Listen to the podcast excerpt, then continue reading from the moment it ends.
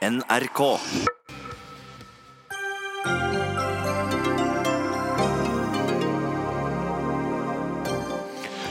Med de små vin- og brennevinsflaskene fra taxfree-butikkene på flyplassene, ber kabinansattes fagforening, og møter de som tjener gode penger på alkoholsalget til debatt. Et omdiskutert VM-arrangement er godt i gang i Qatar. Er norsk idrett med på å glansvaske en stat som er sterkt kritisert for brudd på menneskerettighetene, spør vi. En ny kampanje med navn Emneknagg stolt oljearbeider skal ta et oppgjør med klimabevegelsen og de grønne partiene. Men har klimabevegelsen egentlig gått til angrep på oljearbeiderne? Og nær en kvart million mennesker blir ikke spurt om deres forhold til forbruk, fritid og reiseliv. Årsaken? Jo, de er i 80-årene. Men hvorfor er egentlig det et argument?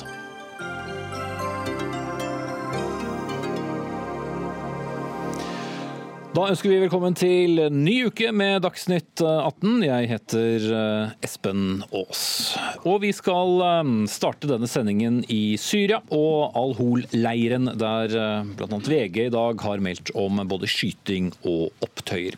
I denne leiren befinner det seg flere norske kvinner og barn. Tallene på hvor mange varierer litt fra hvordan du definerer norske. Alt fra fem til ti kvinner, og alt fra seks og opp til 30 barn. I opptøyene skal minst én kvinne være drept, og minst tre har fått skuddskader. Det er uklart hvilken eh, nasjonalitet kvinnene har, men det er altså snakk om utenlandske kvinner. Joakim Førsund, du er journalist og har laget podkasten Det sorte flagget, der du har snakket med både terrordømte nordmenn og nordmenn som oppholder seg i Syria nå. Du er i løpende kontakt med en av kvinnene som befinner seg i Al-Hol-leiren. Hva er det siste du vet om situasjonen der? Det siste jeg vet er at eh, det er roligere nå enn det var i formiddag. Eh, men at medisinsk personell har evakuert, og at de nå er alene i, i leiren. Og det er jo da ekstra kritisk for den kvinnen jeg er i kontakt med, fordi hun har et uh, veldig sykt barn. Mm. Ja, Det er denne, dette barnet som har vært en del omtalt i, i norsk presse. og Hva vet vi om tilstanden til barnet? Vi vet ikke noe annet enn at det barnet er veldig sykt, og at han antagelig har en sykdom som heter cystisk fibrose. Vi vet ikke noe detaljer mer enn det, men vi vet at han veier 11 kilo, og at han snart fyller fem år. og Det er, det er veldig lett. Mm. Det er altså skyting som har skjedd ganske langt inne i denne leiren der disse IS-kvinnene da holdes. Hva vet vi om omstendighetene?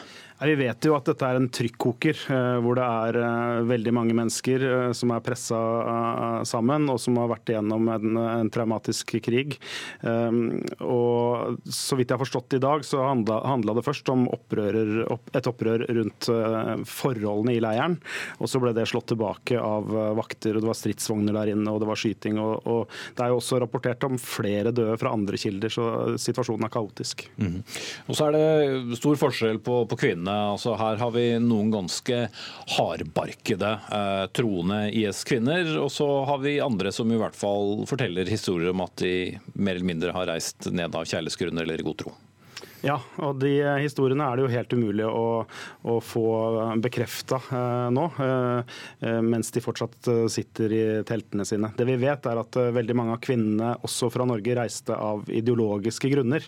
Men vi vet veldig lite om hva de har foretatt seg, utover at eh, forskning sier at de i all hovedsak har vært husmødre mens de har vært her. Mm.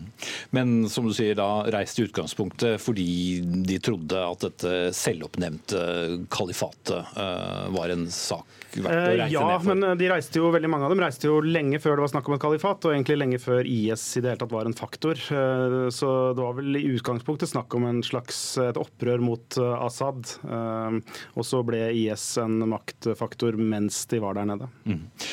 Og som jeg nevnte innledningsvis, så er det litt forskjellige måter å, å, å telle på. Men sånn ut fra de opplysningene du sitter på, så er det i hvert fall fem norske kvinner som er norske statsborgere ja. og deres barn. Ja, og de barna, det er vel seks barn totalt. Mm. Du kan bli sittende, Joakim Førsund. Eh, Abid Raja, stortingsrepresentant fra Venstre. Du har jo da tatt til orde for å hente barna hjem. Det gjorde du allerede helt tilbake i, i, februar. Hvordan vurderer du norske myndigheters ansvar for de norske, helnorske borgerne som uh, sitter der, uansett uh, hva slags årsaker de hadde for å reise ned? Handlingslammelse. Dette er handlingslammelse uten like. Eh, og det eh, skjærer i oss alle som ser disse brutale bildene, eh, hvor disse barna i regelrett er utsatt for det jeg vil karakterisere som umenneskelig og nedverdigende behandling. Og jeg mener det påligger staten Norge, det beste staten av alle stater i hele verden, en plikt til å reagere. En moralsk og etisk plikt. Om ikke, Hvordan skal de reagere? Hva, hva, ja, hva er det altså, du mener at uh, Vi har hentet hjem la meg bare si det slik, vi har hentet hjem andre barn nå. De foreldreløse barna hentet staten hjem. Vi gikk inn og gjorde den jobben. Andre land har også hentet hjem både barn uh, og kvinner. Det har de gjort. Det er fullt mulig å gjøre. Jeg erkjenner at det er vanskelig å gjøre det. Eh, det er politisk vanskelig for denne regjeringa å gjøre det, fordi at Frp har satt ned foten. Eh, og jeg forstår at det er vanskelig teknisk og militært å gjøre det. Men det har blitt gjort, og det gjøres fremdeles i dag. Mm. Så etter min oppfatning så påhviler det den beste staten av alle stater i verden en moralsk og etisk plikt til å hjelpe de svakeste blant oss. For statens ansvar må være å hjelpe borgerne sine. Og disse barna har ingenting galt gjort. Og selv om mødrene ikke er likandes, og selv om mødrene har gjort masse feil, så kan vi ikke la barn dø fordi at vi ikke liker hva mødrene har gjort. Men de mødrene som har vendt Norge ryggen eh, og reist med overbevisning ned dit, vil du også hente hjem dem? Jeg har overhodet ingen sympati med de aller fleste av de mødrene, fordi at de har tilsluttet seg, av de av de som har tilsluttet seg ISIL med åpne øyne. Så må vi gjøre individuelle forskjeller mellom disse kvinnene også. Den historien vi leser i dag i VG, som handler om moren til den syke fireåringen, har en annen historie enn de andre kvinnene. Men jeg forstår, det er veldig vanskelig å få sympati med henne når hun er burkakledd med disse brillene og har reist og tilsluttet seg eh, dette regimet likevel. Men det handler ikke om henne allikevel. Det handler fremdeles om den syke fireåringen som altså er 11 kilo. Og hun skal få sin rettmessige straff i Norge. Vi har mm, både, Så hun må hjem. Vi har både regler for dette i Norge. Vi har også eh, PST som gjør en fantastisk innsats, og vi har også en kriminalomsorg som tar uh, av seg dette.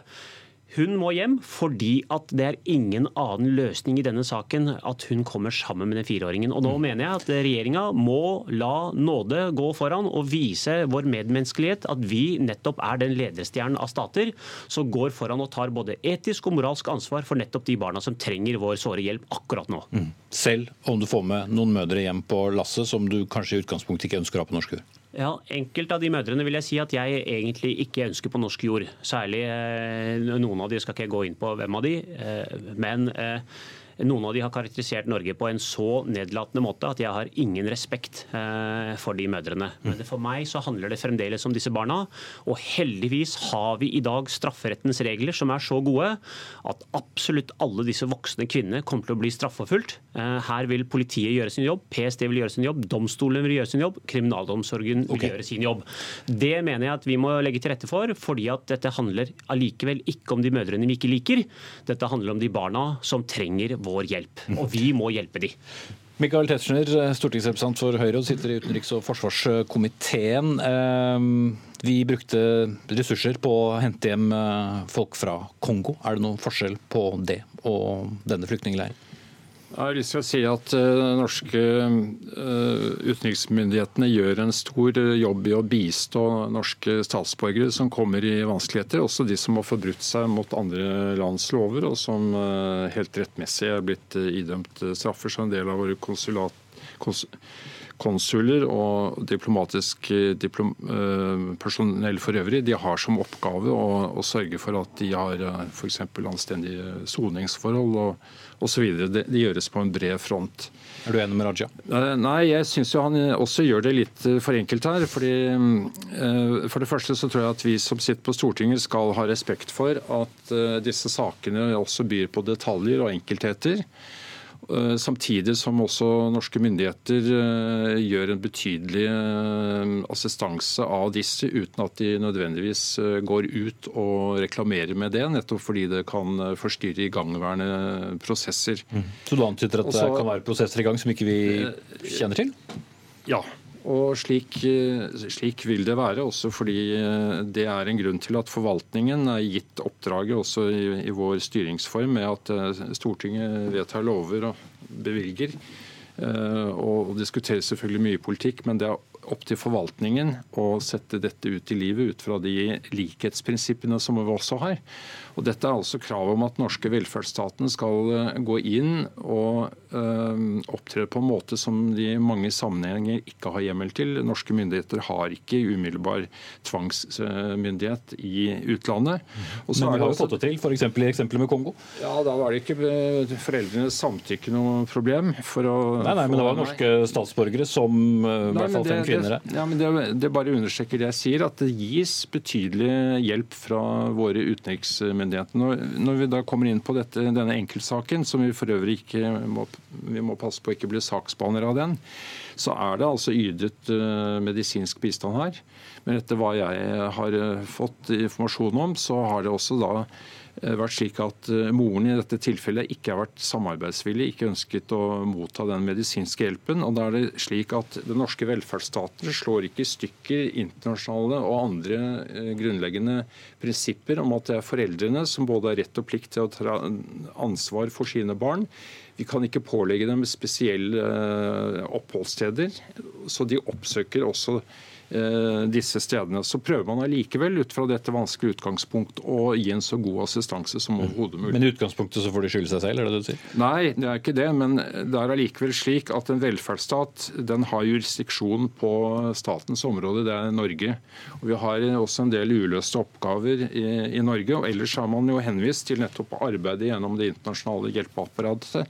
Norge har bevilget 10 milliarder kroner til humanitære formål i Syria i perioden 2016 til 2019. Men det handler om andre ting enn de som sitter ja, Det handler om det samme, for det betyr jo at man da også kan bruke profesjonelle hjelpeorganisasjoner, folk med stedlig kompetanse, eh, og som også eh, selvfølgelig gjør en, eh, gjør en fantastisk jobb, og som norske myndigheter også må samarbeide med. Det gis i dette tilfellet også da medisinsk hjelp ut fra de lokale okay. mulighetene som det er her. Raja. Programleder, la oss, jeg vil invitere Michael Tetzschner til å ta barnets perspektiv her. Nå sitter altså en, eh, en fireåring som skal bli fem år i november og veier 11 kilo og tenker disse barna som eh, hadde mista mødrene sine og var foreldreløse, de ble henta av norske staten, min stat. Men fordi at jeg har en mor som er i live, så må jeg være her og bli utsatt for denne nedverdigende behandlingen i denne leiren. Hvordan oppleves det for dette enkeltindividet som staten også har en plikt til å hjelpe? Det er det dette handler om. Staten skal bistå sine individer på best mulig måte.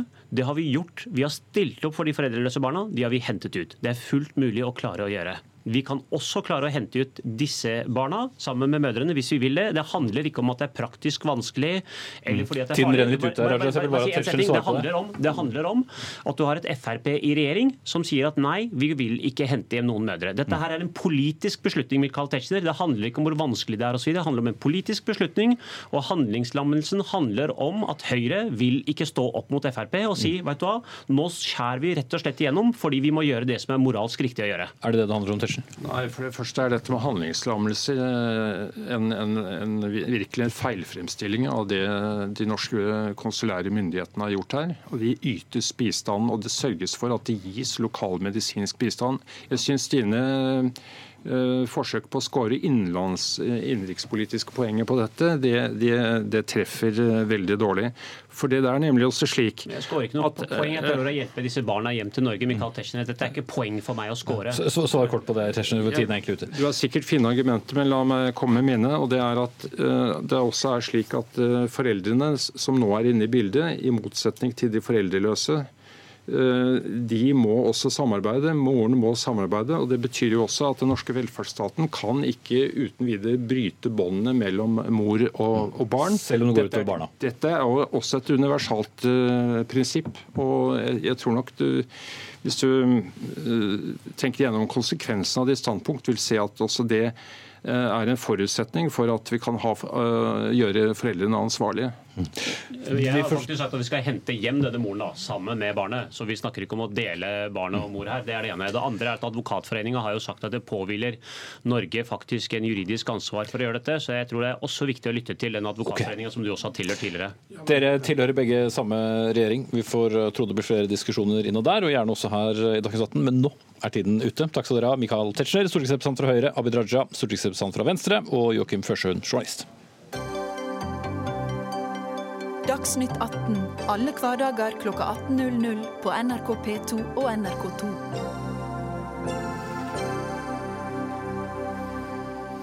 Ja, som vi pleier å si når eh, temaskiftene er eh, ganske store. Vi skal ha temaskifte. Er du blant dem som plukker med deg noen eh, småflasker med alkohol på taxfree-en før du skal ut på langtur, gjerne ferietur, og kanskje tar en øl eller to eller tre før du går om bord også, vel, du får følge med nå. For dette kan det bli slutt på dersom kabinansatte får det som de vil. For mange av dem er nå lei av fyll og bråk om bord i flyene, kunne vi lese på nettstedet flysmart24.no. Og Anneli Nyberg, du er nestleder i Parat, som organiserer eh, mange innenfor flyfarten og de kabinansatte. Hvor, eh, hvor stort problem er dette for dine medlemmer? Det her er jo et problem som har økt i omfang eh, og blitt et alvorlig problem. Og det er jo en ting at det er et problem for eh, de som jobber om bord i flyet, men det er også et problem for medpassasjerer som skal sitte eh, og kanskje oppleve å få en veldig ubehagelig start på ferien for at det er noen som er beruset om bord i flyet. Mm. Og det er ikke så lett, å kaste noen av når du er Det er jo det som er den store skillen. Jeg tror kanskje har man kommet dit at, at fly har blitt så vanlig at mange man tenker liksom ikke over at man er flere tusen meter over bakken, faktisk. Og, og det stiller spesielle krav. Mm.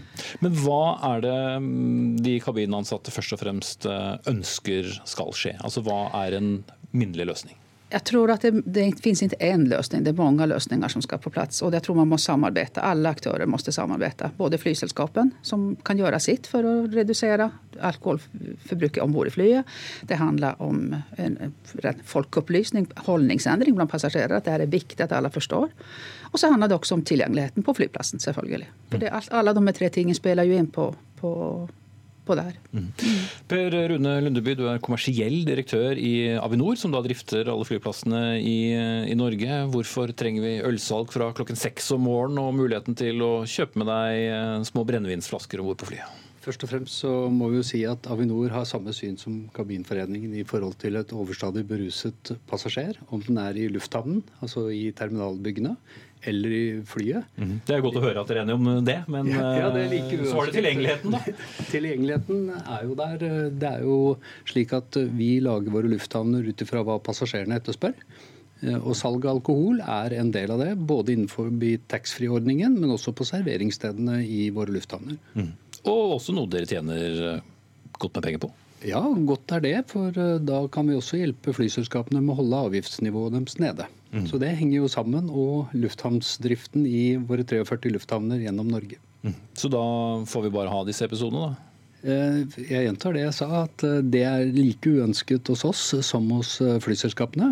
Og dialog mellom oss og flyselskapene er veldig god på alle andre fronter. Så jeg forutsetter jo også at dette problemet løftes inn i den diskusjonen, dialogen vi har selskapene og Avinor imellom. Mm. Men vil dere være med på å se på løsninger der man f.eks. ikke skal få kjøpt disse små sprit- og vinflaskene før man går om bord? Og ikke få lov å begynne å drikke så tidlig. Altså, du får jo ikke kjøpt en ølflaske i en butikk før klokka er ni, men du kan drikke øl på, på flyplassen. Ja, så eh, Salg av alkohol på lufthavnene våre er regulert av myndighetene. Og de lovverkene de følger vi. Så det må vi bare være enige om i, i bunnen av det.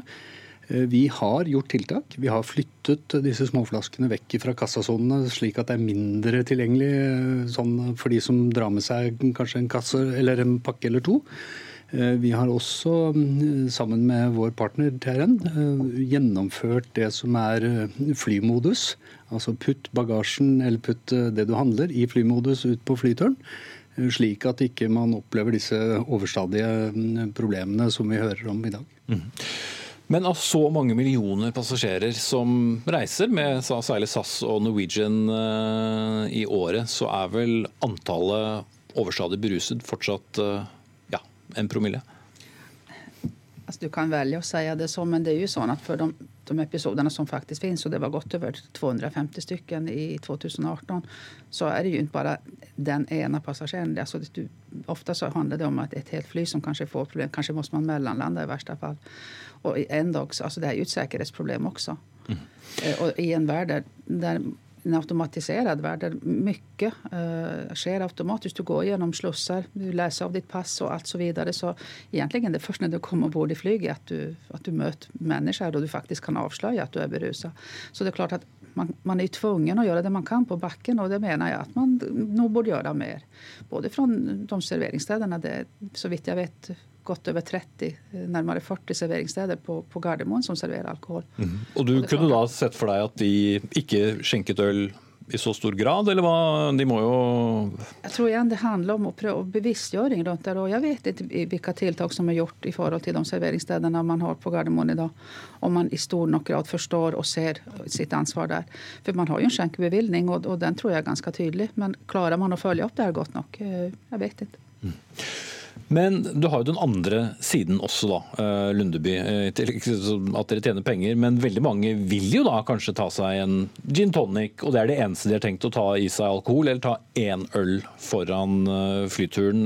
Skal alle de da nektes den muligheten fordi at 250 stykker lagde bråk i løpet av et år? Avinor har over 50 millioner passasjerer gjennom sine lufthavner hvert år.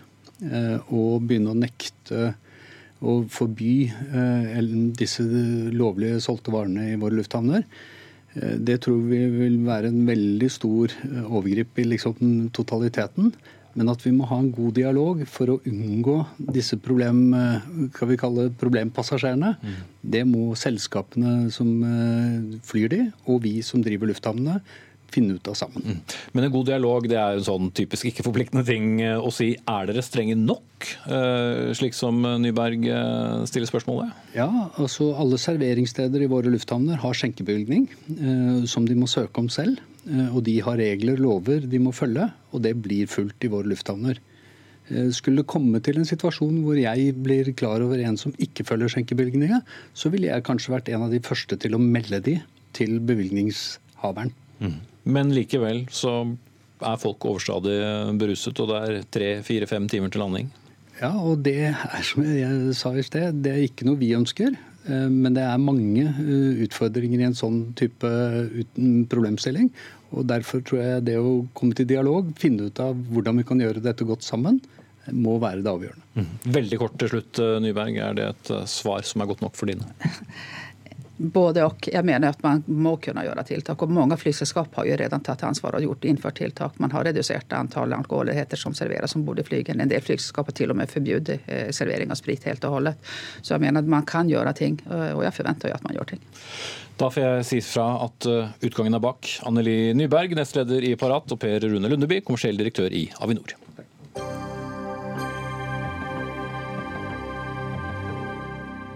175 kommuner tjener milliarder på vannkraft. Nå kan de inntektene bli kraftig redusert.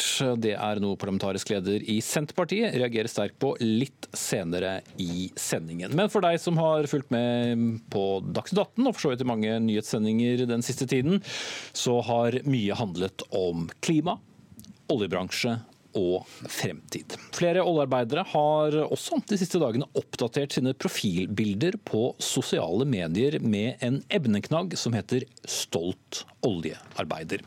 Og Idar Martin Herland, du er eh, oljearbeider og tillitsvalgt i fagforeningen Safe, eh, og leder også et arbeiderpartilag som heter Oljeindustriens arbeidersamfunn. Du er med oss eh, fra Kristin-plattformen på Haltenbanken, og var den som satte i gang denne Stolt oljearbeider-aksjonen. Hvorfor gjorde du det? Nei, altså Jeg er jo eh, stolt av jobben min, eh, men ikke minst er jeg stolt av historien som ligger bak, og de som startet dette eventyret. Eh, og Jeg har lyst til å minne om hva Bob Geldof i sin tid sa om Norge og oljeproduksjon. Det er at Norge er den eneste oljeprovinsen som har klart å omfordele inntektene fra industrien, sånn at størstedelen av inntektene eh, tilfaller landets befolkning. Eh, og Det er ikke pga. tilfeldigheter, men det er pga. kunnskap, vidsyn og handlekraft. Mhm. Men så er det kanskje litt med dagens debatt å gjøre også? Ja da, det er helt riktig. Men jeg tenker det at dette vidsynet som fortidens, eller den 70-tallets politikere viste, det må vi òg basere det grønne skiftet på. Eh, så jeg vil jo oppfordre miljøvernerne til å komme opp av skyttergravene, og, eh, sånn at vi kan finne sammen og finne løsninger og eh, sette inn konkrete tiltak som hjelper. Mm. Men, men, går det særlig bare stille spørsmålet, er, er, det mange politikere eller miljøorganisasjoner som går til angrep på oljearbeideren som sådan? Ja, Det er jo en del. eh, altså eh, Lan Marie Berg hadde vel et utspill nå i valgkampen der hun, hun sa det at det må, nå må det slutte å lønne seg å ødelegge verden. Um, og det, det, føler jo vi på, kan du si. da. Men det var vel rettet mot industrien og ikke hver enkelt uh, oljearbeider? Nei, men vi føler jo på det, da, kan du si. Og jeg, jeg har jo snakket med ungdom i bransjen. Uh, når de går på byen, så er de redd å si, for, uh, si hva de jobber med, til ja, Det er jo spesielt ytterliggående grønne ungdommer. holdt jeg på å si. Det. Ja, De er rett og slett redd for, for juling. Mm. Og da har det gått for langt, altså. Mm. Man, eh... Lars Haltbrekken, stortingsrepresentant fra SV og ingen svoren oljeindustritilhenger. Eh, ser du at alt snakket om eh, at oljeindustrien er den store synderen, også kan gå utover de som jobber i bransjen? Ja, det ser jeg. Eh, og samtidig så er det viktig å si at oljearbeidere skal ikke behøve å føle noe oljeskam. Og vi kan ikke ha det sånn eh, at oljearbeidere er redd for å gå på byen for å få juling. Det er totalt eh, uakseptabelt. For de gjør ikke noe galt? Nei, jeg mener at uh, som vi uh, hørte fra Herreland, så har man masse å være stolt av i uh, norsk oljehistorie. Vi sørga for at disse inntektene kom fellesskapet til gode. og vi har også utvikla teknologi som kommer til å være avgjørende når vi nå framover skal løse eh, klimakrisen. Jeg kan ta to eksempler. Mm. Men bare for å bruke en ting på det rene. Mange av dine likesinnede ønsker ikke nødvendigvis at disse oljearbeiderne har den samme jobben om si 11 år når vi kommer til 2030? Nei, det er helt riktig. Og det som vi er nødt til å gjøre, er å få en omstilling av det norske samfunnet oljealderen kommer ikke til å vare eh, evig. Eh, verden skal frigjøre seg fra fossil energi. Vi skal fjerne så å si alle menneskeskapte CO2-utslipp. Og da må vi gå bort fra fossil energi over til fornybar energi. Norge må ta del i den omstillinga. Både av hensyn til klima, men også av hensyn til arbeidsplasser i framtida. For hvis vi ikke gjør det, så kommer vi til å tape masse i framtida. Både inntekter, velferd og ø, arbeidsplasser. Pluss at vi blir sittende med et stort ø, utslippsproblem og produkter som resten av verden ikke ønsker. Så hvis det er noen som skal føle skam i denne debatten, så er det den norske regjeringa uh, som ikke setter i gang den helt nødvendige omstillinga som vi i SV ønsker å gjøre gjennom en grønn ny deal, bl.a. Mm. Var det en grei nok presisering for deg og dine, Herland? Nei, altså jeg tenker jo det at eh, Lars han sier jo at han vil kutte 60% av utslippene innen 2030. Uh, eh, og jeg tenker det at Han tenker altfor smått, er altfor passiv og altså mangler eh, visjoner og vidsyn. vi, meg og Leif Sande, vi har utarbeidet et forslag da, så vi, det var sto på trykk i Dagbladet i mars. Mm -hmm. Leif Sande, en annen kjent tidligere fagforeningsleder og nå også stortingsrepresentant på Stortinget. Ja, vi, vi, vil ha 100% kutt innen fire år. Eh, og Måten vi vil gjøre det på, det er det at vi bruker en del av inntektene fra næringen til å eh, sette inn konkrete tiltak. Vi har lyst til å realisere og konkretisere det grønne skiftet og fylle det med et innhold. Eh, hvis vi hadde brukt store penger på dette, så kan vi faktisk være klimanøytral innen fire år. Tenk på det, Lars. Ja, og jeg har lest den kronikken, og det som er forslaget deres, er jo ikke å omstille det norske samfunnet. Dere eh, ønsker jo da eh, å fortsette oljeutvinninga i eh, relativt stort tempo. Bruk de pengene på å sørge for at andre land omstiller seg. At andre land kutte utslipp. Det er viktig å sørge for at også andre land kutter utslipp, men vi er også nødt til å omstille Norge. For hva skal vi leve av når resten av verden ikke lenger ønsker å kjøpe de fossile produktene fra, øh, fra oss? Derfor så har vi i SV sagt at vi ønsker å kutte norske utslipp med minst 60 uh, innen 2030. I tillegg til det så ønsker vi også å bidra til store utslippskutt uh, i andre land. men vi er nødt til å omstille Norge. Vi kan ikke bare stå på noen få bein eh, i årene framover. Og vi er nødt til å komme i gang med denne omstillinga nå. Ikke minst av hensyn til norske arbeidsplasser, men også av uh, hensyn til klima. Og Da er det to ting som vi kan satse på uh, her i Norge, særlig. Det er flere ting enn det, altså. Men det er to ting som har vært med, som bl.a. oljeindustrien har vært med på å utvikle. Det er offshore eh, havvind. Der har teknologien fra oljeindustrien gjort at vi kan uh, få flytende vindmøller til havs. Og så er det CO2-fangst og -lagring som vi er avhengig av ikke bare på olje- eller kullkraftverk, men også på sementproduksjon, på avfallsforbrenningsanlegg osv. over hele veien. Og Da Herland, kunne jo dine kolleger kanskje gå inn i historien som de samme heltene som nordsjødykkerne og de andre pionerene på, på 70-tallet ble? Ja, så jeg tenker at det Bl.a. Eh, karbonfangst og -lagring er jo en av de tingene vi må satse på. Hvis du tenker Europa, eh, så for at Europa skal nå sine klimamål, så er de helt nødt til å eh, basere seg på bl.a. norsk gass. Eh, så de, Hvis vi kutter vår gassproduksjon nå, så spenner vi faktisk bein for eh, EU og Europa sin, eh, sine klimamål. Eh, det er planlagt eh, gassrørledninger både til Tyskland og til Polen. Og dette vil fase ut kullkraftverk. Mm. Det argumentet har vi hørt mange ganger. Jeg vil gjerne svare på det. Ja, du må veldig. Ti sekunder, Lars Haltbrekken, for jeg må vise dere ut av studio. Hvis ikke så får jeg ikke noen Hashtag bli Men nå bruker du opp de ti sekundene. Veldig kort.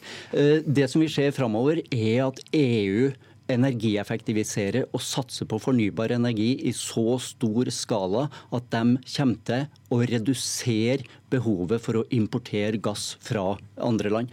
Gass blir i deres klimapolitikk også for forurensende. Mm. Da har vi fått det argumentet også. Da er det hashtag 'tiden er ute'. Idar Martin Herland, oljearbeider og tillitsvalgt i Safe, og Lars Haltbrekken, stortingsrepresentant fra SV.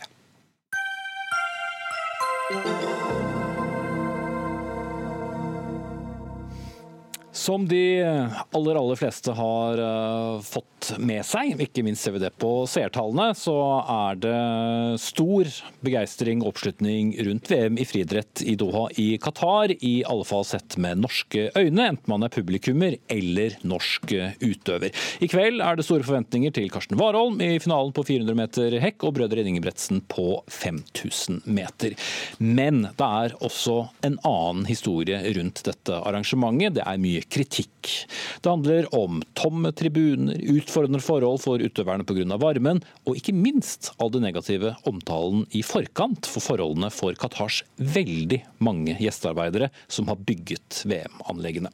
Norges eh, ene medaljehopp i kveldens finale i Doha, Karsten Warholm, har sine betenkeligheter om å delta i mesterskapet kan minne mer om korrupsjon enn noe annet, uten at jeg har noe kjempegod info. Så syns jeg det, det, er forferdelig å tenke på at folk må jobbe der for uh, under, under, veldig dårlige vilkår og skader seg. og Det blir dokumentert at folk dør under bygging og sånn. og jeg tenker at det, det, er vel egentlig ingen som ønsker å stille seg bak det. Så, så derfor føles det litt hyklersk, faktisk. Og det, det, det får jeg bare prøve å leve med.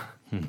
Karsten Warholm om å leve med det hyklerske. Per Tøyen, idrettspolitisk rådgiver i Norges idrettsforbund. Eh, forstår du følelsen av eh, å være en hykler, som Warholm sier? Jeg forstår i hvert fall at han er kritisk til både menneskerettigheter og arbeidstakerrettigheter i Qatar. Og jeg syns det er strålende at vi har utøvere som evner å artikulere det. Når det er sagt, så tenker jeg at det er lederne. Det er de som har bestemt at Qatar skal få dette mesterskapet, som bør stå ansvarlig. og Det er også hans ledere som må informere på forhånd, og som kanskje har satt han i stand til å kunne mene det han mener nå. Mm.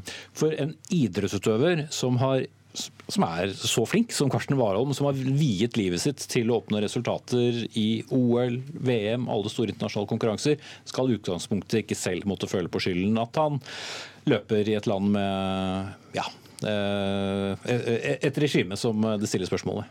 Nei, Det syns jeg jo egentlig ikke at han skal, eller hun skal. Eh, men eh, våre idrettsutøvere er jo et tverrsnitt av befolkninga. Det er veldig mange der som engasjerer seg, og som mener klart og tydelig, naturligvis. I Norges idrettsforbund, som egentlig ikke har noe med særforbundenes mesterskap å gjøre, så har vi alltid, når vi sender utøvere av gårde, så har vi en informasjon rundt hvilke forhold de kommer til å møte. Også i forkant av OL i Beijing eller i OL i Sotsji osv. Så, videre, så forsøker vi å informere utøverne. og Da henter vi inn kompetanse fra andre som kan mer om dette enn oss. Men utøverne skal slippe å ta stilling hvis de ikke vil sjøl. Men uh, da er det jo prisgitt at uh, de voksne i, i hermetegn har uh, tenkt gjennom når de går med på å legge et idrettsarrangement til f.eks. Qatar eller Beijing eller de andre stedene vi har nevnt. Ja, Det syns jeg jo man bør kunne forvente. Så jeg sier at Utfordringen her ligger vel mye heller om i, på det tidspunktet hvor Qatar f.eks. blir tildelt dette mesterskapet, at man da har jobba med våre egne representanter, sånn at man kan stille strengere krav til arrangøren på det tidspunktet man blir tildelt eh, mesterskap eller leker. Mm.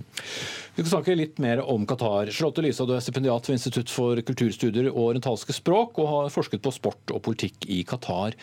Hvorfor satser Qatar med en ganske liten innfødt befolkning så stort på idrettsarrangementer. Mm. Qatar har drevet en veldig uh, offensiv politikk, særlig utenrikspolitikk, egentlig siden 90-tallet. Uh, Bl.a. åpningen av Al-Jazeera, uh, konfliktmegling, store investeringer i Europa osv. Eh, og sportsdiplomati, og særlig det å arrangere store sportsbegivenheter, det har vært en veldig sentral del av den politikken. Og mye av motivasjonen for det handler jo om at de har ønsket å gå fra å være et ganske ukjent lite land til å bli en mer eh, internasjonal politisk eh, aktør. Bl.a. for å redusere sin egen sårbarhet som ministat og egen avhengighet av nabolandene, da, som de ikke nødvendigvis har så godt forhold til. Mm. De 300 000 med statsborgerskap virker jo ikke fryktelig interessert, hvis vi skal bedømme ut fra hvor mange som er på tribunene? Nei, du sier jo noe viktig der. da. Det er jo bare rundt 300 som faktisk har eh, statsborgerskap. sånn at det er ikke så veldig mange tilskuere å ta av heller. Eh, og så er det jo ikke til å stikke under en sol at de er nok ikke kjempeinteressert i eh, friidrett. Eh, men fotball for eksempel, er veldig populært. Men vi ser jo det samme der. at På fotballkamper, med mindre det er noe helt spesielt, så er det ganske, ganske glisne stadioner der også. Mm. Jeg vil bringe inn et tall til, som kanskje forteller litt om Qatar som nasjon. eller Du skal for så vidt eh, forklare det. Men 300 000 statsborgere, men så har de så tidvis to millioner gjestearbeidere. Mm. Så hva slags stat er det du egentlig snakker om her? Qatar er jo et uh, absolutt monarki. Eh, i Midtøsten. Og det er jo også et av verdens rikeste land, målt i, i bruttonasjonalprodukt per innbygger. Uh, og som du sier, så er jo den demografiske sammensetningen ganske spesiell, mildt sagt. Det er jo rundt 10% som er uh, statsborgere. Uh, og de er jo så rike bl.a. pga. store forekomster av, naturgass, som har ført til en veldig voldsom utvikling, som også har krevd en mye større arbeidsstyrke enn det de har hatt eh, nasjonalt, da kan du si. Mm. Og det har kommet mange rapporter om behandlingen av disse gjestearbeiderne. Mm. De største andelen av disse gjestearbeiderne igjen, ikke alle, men største andelen av dem, er jo det som er lavtlønna arbeidsmigranter fra andre asiatiske og afrikanske land. Eh, som jobber gjerne på byggeprosjekter f.eks. Og det er de vi hører om når vi hører om disse dårlige forholdene. Når vi hører om at, eh, får, at lønningene blir utbetalt, at ikke de får eh, forlate landet osv. Så, videre, så er det, er det det det dreier seg om. Mm. Reidar Storli, du er leder for sportsavdelingen i Dagsavisen og kommentator, og også leder av Norske Sportsjournalisters Forbund. Det er jo veldig få likevel som har ment at VM i Doha bør boikottes, til tross for disse rapportene om dårlig behandling av de som har jobbet. Eh, hvorfor er det riktig for Norge å delta? Hvorfor er det nesten alltid riktig å delta, selv om vi har disse diskusjonene om og om igjen? Nei, Man kan jo spørre seg hvor, hvor grensa går igjen for i, i nivået på menneskehetsbrudd for at man skal delta. Men uh, men vi fra pressens side har ikke noe, tar ikke noe standpunkt i, den, i, det, spørsmålet om Norge skal delta eller ikke. Men uh, mitt, mitt uh, utgangspunkt er at, uh, at jeg syns dialog er viktigere enn en, en boikott. Fordi det kan påvirke. Vi kan i hvert fall innbille oss og tro at det påvirker. Effekten kan man diskutere. Men jeg syns det er flott at vi har utøvere som Karsten Warholm, som faktisk i hvert fall tilkjennegir at han har, har vurdert situasjonen. Mm. Men hvor mange land har gått i en mer demokratisk retning etter å ha avholdt et VM eller OL? Sannsynligvis eh, ingen.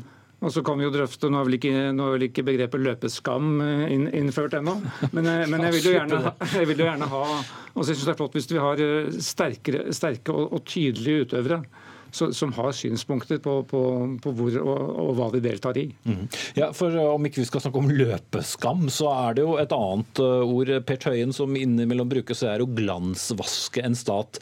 Når vi er med eh, på idrettsarrangementer der, så nikker vi også til Jeg, jeg tror det er litt av årsaken til f.eks. at Qatar ønsker å arrangere dette. Det er for å få et positivt søkelys på sitt eget land og på det de klarer å få til. Så er vi nyttige idioter, da? Ja, men jeg har lyst til å trekke fram et moment, i hvert fall, fordi jeg er helt enig med deg, Solli at det er ikke sikkert det har blitt noe bedre verken i, i Kina eller i, i Russland etter de store OL-ene.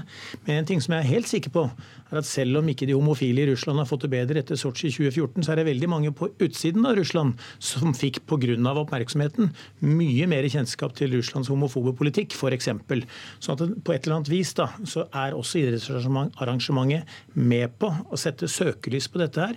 Så om det ikke blir noen endringer inne i landene, så blir det i hvert fall en større oppmerksomhet på det.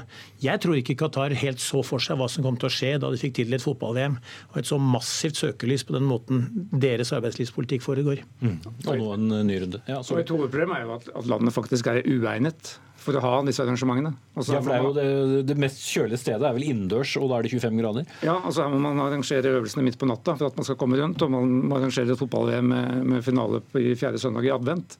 Eh, og alle faglige ekspertiser som har vurdert fasilitetene før de fikk disse mesterskapene, så dette var det minst egna landet av de kandidatene. Mm. Likevel, det er der det skjer. Og uansett hva man måtte mene om uh, Qatar, så løper i hvert fall Karsten Warholm finale klokka 21.40. Og vi sender ellers alle finalene på NRK1 fra 1930. Takk skal dere ha, Reidar Solli, leder for sportsavdelingen i Dagsavisen, Charlotte Lysa, stipendiat ved Institutt for kulturstudier og orientalske språk, og Per Tøyen, idrettspolitisk rådgiver i NIF. Hør Dagsnytt 18 når du vil. Radio NRK Radio.nrk.no.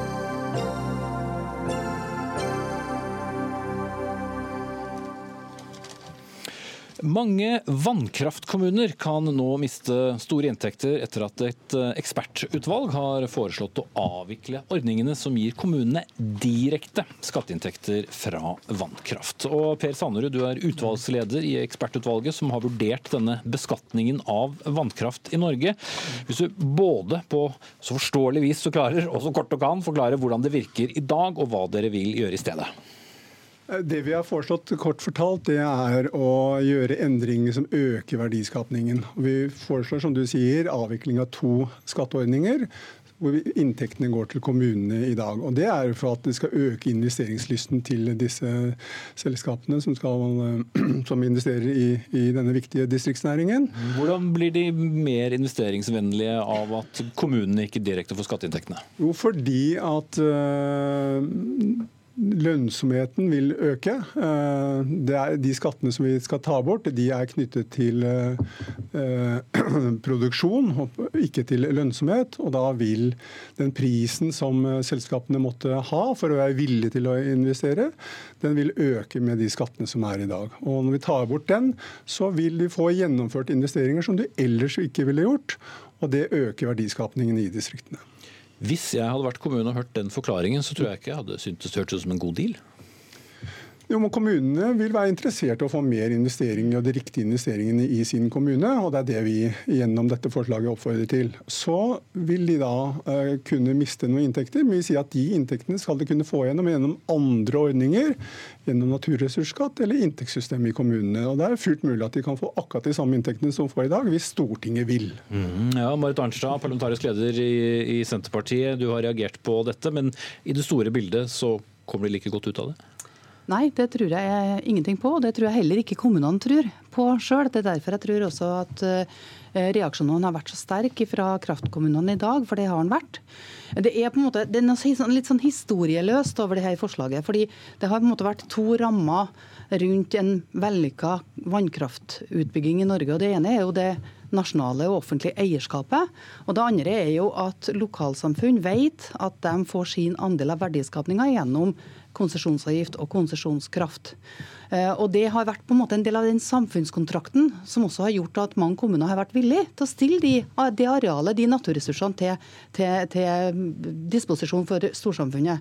Og Nå tror jeg det er mange kraftkommuner som sitter ute og føler at nå blir det tatt ifra dem, og så skal det da erstattes med noe annet som en ikke helt vet hva er. Mm. Men poenget da til utvalgslederen om at det også har gjort at det har vært vanskelig for kraftselskapene å investere fordi at kommunene har direkte hentet ut eh, skatteinntektene? Jo, men Det interessante i dag er jo at Energi Norge også reagerer på det forslaget som kommer fra utvalget. fordi De sier jo at det vi var opptatt av, det var jo innretninga på grunnrenteskatten. Eh, og at den på en måte hindra oss i å foreta investeringer, ikke minst på rehabilitering, som jo ikke trenger ny konsesjon, og dermed ikke blir omfattet av ny konsesjonsavgift og ny konsesjonskraft. Men, men den rehabiliteringa, at, at, det er grunnrenteskatten som har vært problemet for flere av kraftutbyggerne. Mm. Så Energi Norge har jo også reagert sterkt i dag, faktisk. Jeg tror de færreste av oss har så mange vekttall i grunnrenteskatt, eh, så vi kan prøve å gjøre dette litt eh, enklere å forstå. Terje Halleland, du er stortingsrepresentant for Fremskrittspartiet, og du er mer positiv til å skutte, kutte disse skatteordningene, men da må dere jo kompensere på annen måte? da? Ja, altså Det som eh, har vært mandatet til utvalget, her, det er å finne en måte som, som, gjør at eh, samfunnsøkonomisk lønnsomme prosjekter blir realisert, blir utbygd. Eh, og Så har vi da fått en tilbakemelding i dag på en måte å gjøre det på. Men det er ganske tung blekker vi har fått, som skal gå nøyes igjennom for å se hva, hva konsekvenser dette vil få. Jeg har full forståelse for at kommunene blir litt smånervøse når de, når de møsser inntekter. Eh, men, men, eh, det må være altså, Det er ingen intensjon fra regjeringen å ta vekk eh, inntekter fra kommunene. Så dette er ene og alene.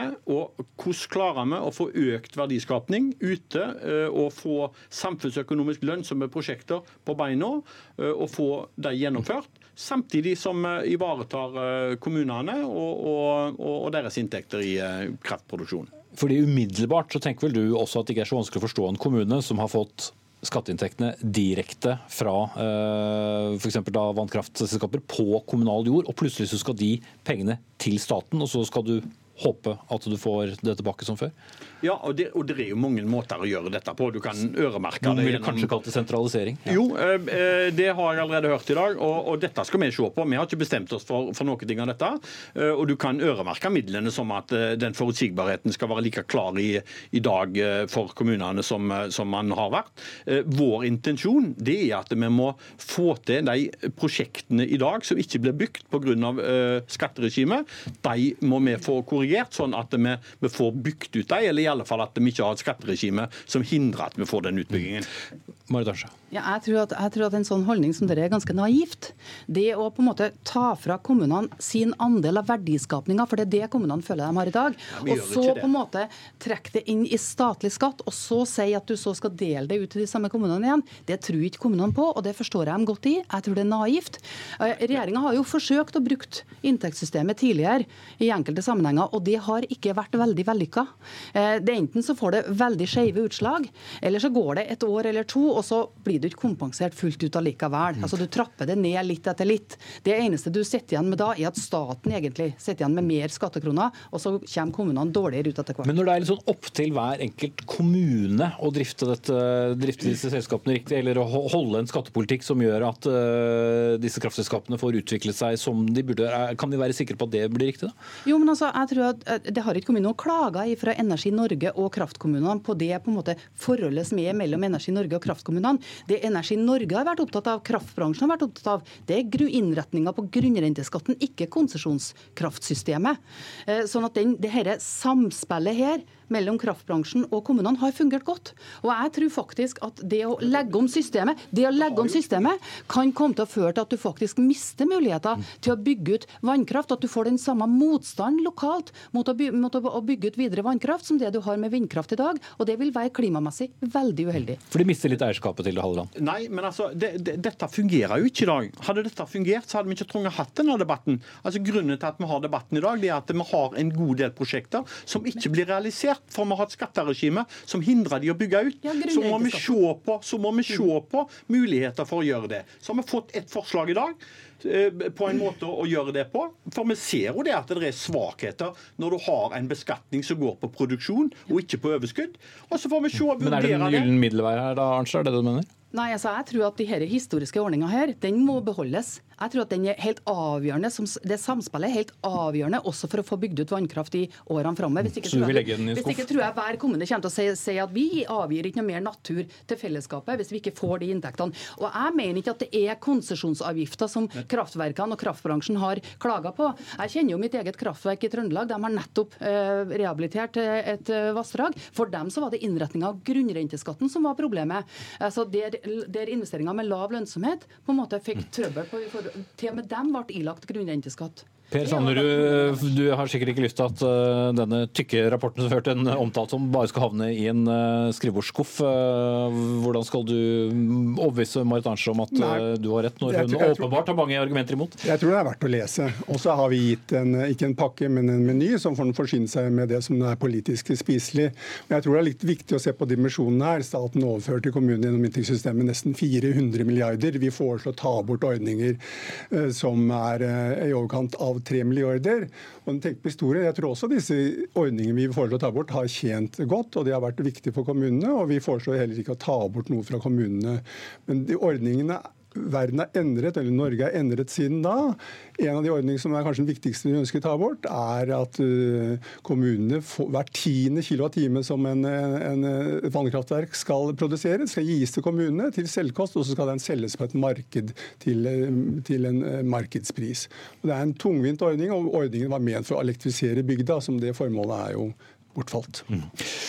Som alltid ellers, nå er det politikerne som skal ta det videre. Jeg må si takk til dere alle tre. Terje Halleland, stortingsrepresentant fra Fremskrittspartiet. Marit Arnstad, stortingsrepresentant fra Senterpartiet. Og Per Sanderud, utvalgsleder.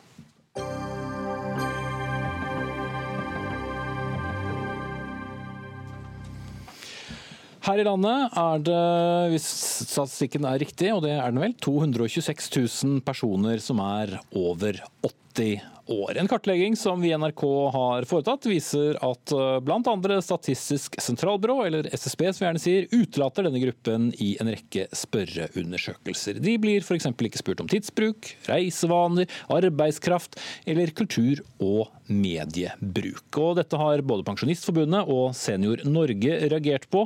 Og Agnete Kjerransen, du er eh, landsstyremedlem i Senior Norge. Og hvis du tilgir meg, så skal jeg også avsløre din alder. Du er er over 86 år, og du sa til NRK det er som om vi er døde. Kan du utdype det? Ja, det kan jeg godt. Altså, når du ikke eksisterer i statistikkene, så er du ikke med. Du er utenfor samfunnet.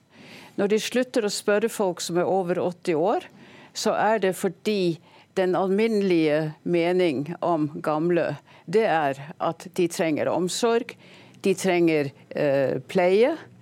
Og det morsomme er jo at det er bare 10-15% som gjør det av de som er over 80.